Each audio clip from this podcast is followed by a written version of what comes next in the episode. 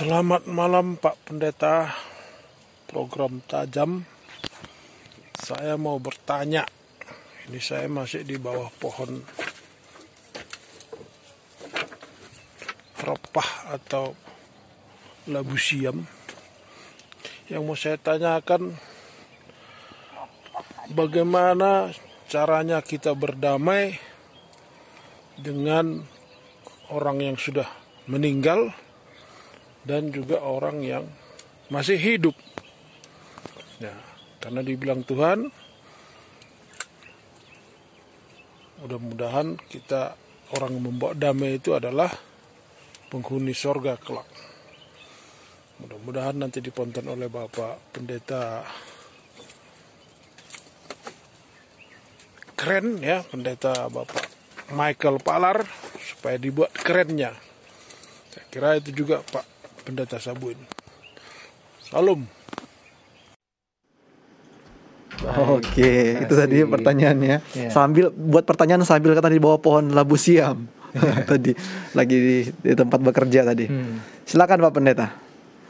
Ya, eh, luar biasa pertanyaan dari Pak Effendi ya, Effendi Iya Pak Effendi. Sisi Simbolon. Simbolon ya, Ya. di Kabanjahe. Oh, Bapak Effendi Sitompul, Sitompul. Pak Pendeta. Oh, oke. Mohon maaf ya, Pak Effendi Sitompul ya di Kabanjahe. Terima kasih untuk eh, pertanyaannya. Ada dua, bagaimana kita bisa berdamai dengan orang kepada siapa kita berbuat salah tetapi telah meninggal dunia. Dan yang kedua, berdamai dengan orang yang masih hidup. Dan dasar dari uh, pertanyaan Pak Effendi tadi adalah di dalam Matius 5 ayat 9 tadi walaupun Pak Effendi tidak menyebutkan referensinya tapi Pak Effendi menyebutkan kata-kata ayat itu berbahagialah orang yang membawa damai karena mereka akan disebut anak-anak Allah. Ya itu yang Pak Effendi katakan. Oke kita akan coba menanggapi entah menjawab atau tidak uh, kita coba menanggapi pertanyaan Pak Effendi ini dengan memberikan contoh cerita di dalam Alkitab. Daud lah kita katakan Raja Daud. Pada waktu dia mengambil Bathsheba sebagai istrinya itu kan istri orang itu. Dan dia mengirimkan surat kepada uh, Yoab, panglimanya di medan perang. Surat itu dia titipkan melalui Uriah, suami dari Bathsheba. Itu surat perintah dari Daud yang dibawa oleh Uriah, padahal perintah itu adalah tentang diri pembawa surat itu kepada Yoab dikatakan tempatkanlah Uria ini di baris paling depan dari medan tempur dengan harapan supaya nampaknya ia mati secara wajar karena Daud mau menutupi akan dosa-dosanya.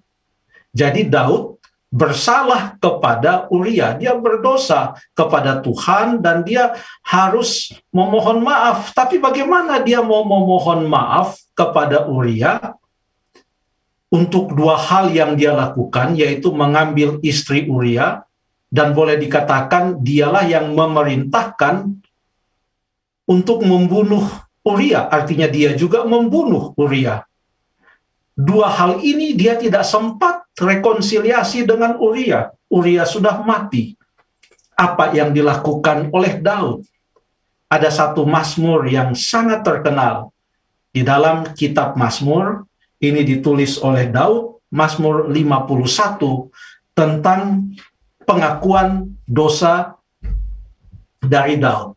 Karena ia tidak bisa mengakui lagi dosanya atau memohon maaf, memohon ampun, memperbaiki kesalahannya dan ada rekonsiliasi dengan Uria karena Uria sudah meninggal maka apa yang ia lakukan adalah ia berdoa kepada Tuhan dengan sungguh-sungguh dalam Mazmur 51 dia katakan ayat 3 mulai.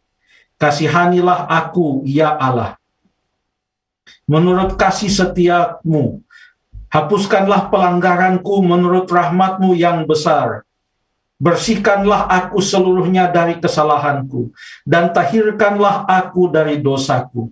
Ayat yang keenam, terhadap engkau, terhadap engkau sajalah aku telah berdosa dan melakukan apa yang kau anggap jahat. Jadi, ia memohon ampun kepada Allah, dan Allah mengampuni Daud.